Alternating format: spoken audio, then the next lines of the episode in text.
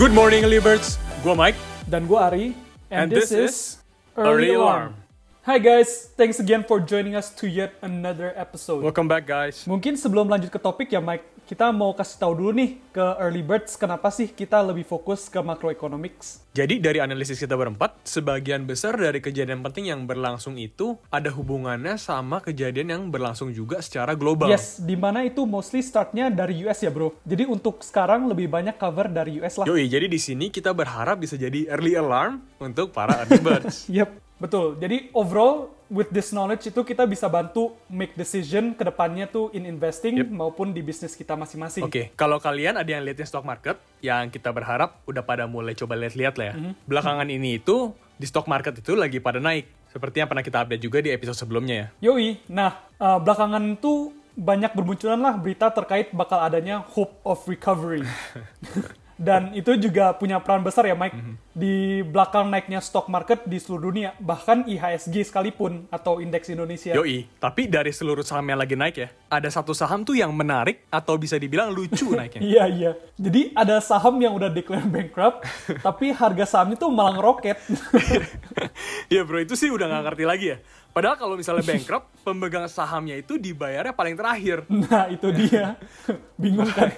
Tapi selain itu ya, di Kamis tanggal 11 Juni kemarin, dan hari Jumatnya, stock market di US itu volatile banget. Yap, yap. Dan reasonnya kenapa ini bisa volatile itu ya mostly karena yang udah kita bahas juga lah sebelumnya, Yap. which is gara-gara the Fed. Jadi, The Fed itu sekarang kira-kira setiap satu setengah bulan sekali akan adain meeting. Iya. Atau yang namanya sering kali disebut Federal Open Market Committee Betul. atau FMC. Yes. Jadi sedikit tentang meeting ini ya Mike. Oke. Biasa tuh kalau di meeting ini mereka membahaslah kebijakan moneter. Mhm. Contohnya yang pernah kita mention juga itu naik atau turunin suku bunga atau mereka juga ada rencana untuk melakukan pembelian aset lah di market. Betul. Jadi pas hari Kamis kemarin itu mereka baru adain meeting. Jadi setelah mereka kasih tahu hasil dari meeting mereka itu, ya akhirnya volatile tuh marketnya. Yes sir. Jadi apa sih yang dibahas di meeting itu? So topik kita hari ini adalah stages of economic recovery or economic downfall. Oke Mike, let's dive in. Oke, mungkin kita refresh sedikit ya. Mhm. Jerome Powell itu kan ketua The Fed yang sekarang. Tapi untuk hasil meetingnya itu bukan cuma decision dia sendiri. Ada juga anggota-anggota The Fed yang lainnya. Walaupun yang akan kasih tahu decisionnya itu Jerome Powell. Iya, dan untuk hasil meeting kali ini, mereka tuh mengumumkan bahwa The Fed akan keep suku bunga atau interest rate-nya tuh di kisaran 0 sampai 0,25 persen, which is historically balik ke lowest lagi ya, Mike. Yap, ditambah lagi ya bro. Mereka itu nggak cuma keep rate-nya, tapi mereka akan juga keep rate itu sampai tahun 2022. Gila bro, lama banget. ya man, which got us thinking ya Ria. yes. Tadi kan kita sempat mention ada sentimen pasar yang price in skenario recovery. Tapi di press conference-nya aja, even Jerome Powell ngomong bahwa untuk full recovery saat ini itu unlikely. Yoi bro, jadi ditambah lagi bukan cuma omongan dia, tapi action yang bakal dilakuin itu masih untuk stimulate ekonomi ya bro. Mungkin sebelum going into deeper depth, kita kasih basic implikasinya dulu ya. Oke, harus. Jadi secara teori dan logisnya ya, kalau ekonomi lagi melambat, The Fed itu akan potong suku bunga. Betul, dan juga sebaliknya. Jadi ini tuh tujuannya biar orang dibikin nggak mau nabung lah, karena interest rate-nya kan rendah. Ya mereka juga imbalannya lebih kecil. Jadi duitnya tuh dibanding buat nabung, akhirnya dipakai untuk spending. Yoi, bro. Biar ekonominya jalan. Nah, selain itu, bunga pinjaman kan juga jadi makin kecil ya. Yes. Jadi, misalnya ada orang-orang yang mau beli rumah atau mau bangun usaha baru, mereka itu bisa ambil KPR atau pinjamannya Yes. itu lebih murah. Tapi ya balik lagi ya, tujuannya itu untuk stimulate Yep. ekonominya juga. Jadi aksi yang diambil The Fed ini kan mereka akan tahan terus interest rate di level rendah sampai 2022.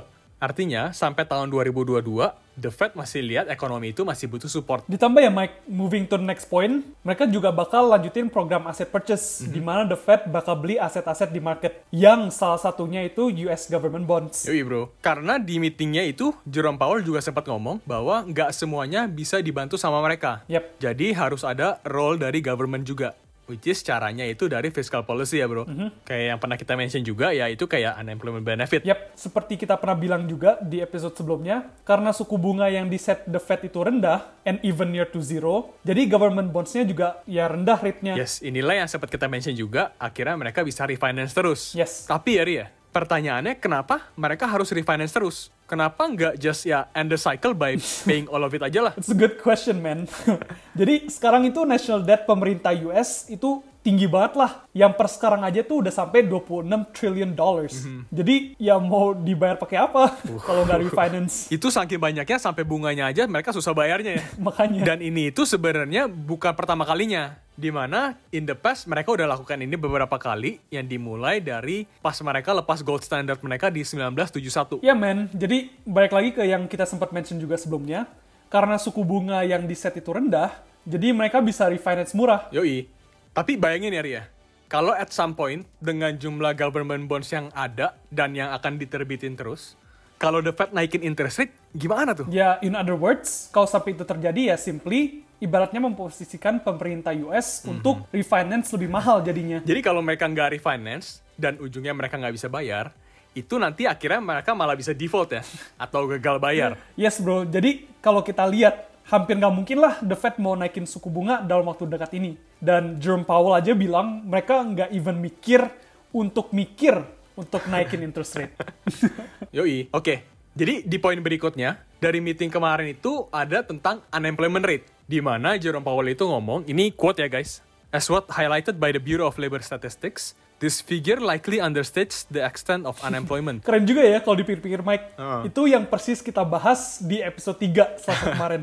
Iya man. Jadi ya unemployment rate sekarang itu nggak mencerminkan kondisi sebenarnya. That's why penting banget untuk kita tahu gimana dan kenapa suatu data itu bisa keluar. Yes. Jadi sebenarnya balik lagi ke topik kita hari ini ya. Yes. Jadi yang hope of recovery yang ada saat ini itu bisa dibilang itu spekulasi dan Betul. bubble ya bro. Karena ya omongan dan action dari The Fed yang tugasnya untuk jagain financial system dan data yang ada aja beda sama yang dianggap We'll recovery itu. Nah, mungkin para early birds langsung mikir nih, apa sih efeknya dari hasil meeting kemarin ke ekonomi secara keseluruhan? Jadi sebenarnya kalau menurut kita ya, berdasarkan meeting ini dan pembahasan beberapa episode sebelumnya, itu baik lagi dengan melakukan ini, cost-nya itu apa? Yoi, kalau emang bagus banget policy yang diterapin, kenapa nggak dilakuin aja Iya. terus selamanya ya? Salah satu hal yang bakal terjadi adalah tingkat inflasi yang meningkat. Yoi bro, terutama itu di harga barang-barang di real ekonomi ya. Yap. Dan untuk yang belum familiar dengan terms inflasi itu, inflasi sendiri itu diketahui ya sebagai peningkatan harga.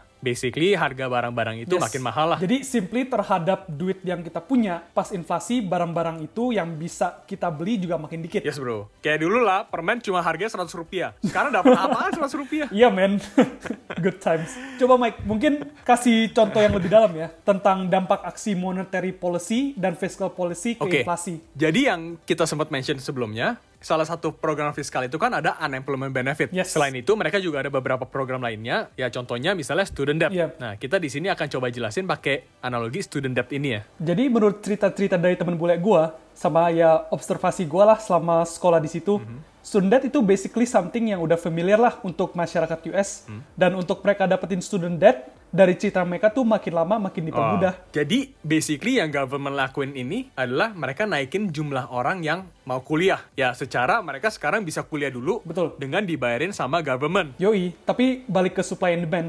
Demand-nya kan naik, tapi kalau kita lihat untuk jumlah kampusnya itu nggak naik secara signifikan. Jadi supply-nya ya bisa dibilang Yep. stay. Ujungnya malah harga kuliahnya yang tambah mahal ya. Yep, nah betul. inilah salah satu contoh gimana caranya program fiskal sama monetary itu bisa timbulin inflation. Yang tadinya pengen solve a problem malah end up creating a bigger Iya. problem. Nah, di episode ini kita lebih fokus ke press conference dari Jerome Powell karena ini adalah salah satu event besar yang sangat berpengaruh lah ke ekonomi. Yep. So, ada bagusnya juga kita cover ini dulu sebelum cost-nya, which is inflation. Yep, Sembari kita bagi analisis kita lah ke kalian semua. Tapi don't worry guys, di next episode ini kita akan ada special guest langsung dari dapur kita. Wih, iya iya. Yang bakal ikutan jelasin ke kalian apa sih itu inflasi. Ya gue actually really excited buat uh, dia join kita ya Mike. Baik lagi ke inflasi, gak cuma itu. Seperti cara kerjanya, juga impactnya inflasi itu gimana sih? Yep. Ya akan kita bahas lebih dalam lah nantinya. Siap. Tapi for now, I think kita bisa close episode ini dulu ya. Oke, bungkus ya bro. Bungkus. Jadi final take dari kita, saat ini tuh ada spekulasi yang price in recovery di stock market yang ujung-ujungnya itu Yep. bikin bubble. Di mana sebenarnya sesuai omongan dan actionnya The Fed, itu jelas-jelas ngomong ekonomi mereka itu masih dalam tahap yang buruk lah. Dan mereka masih akan kasih support for the next couple of Betul. years. Jadi overall kita bisa lihat ini dari campur tangan The Fed yang berlebihan terhadap Yap. ekonomi. Sesuatu yang berlebihan itu selalu nggak bagus ya. Yes. Jadi aksi yang diterapkan mereka ini nggak bisa dilakukan secara terus-menerus. Iya, pasti ada cost-nya lah. Yep. Dan cost-nya ini kembali lagi ke inflasi yang eventually bakal shock the whole economy.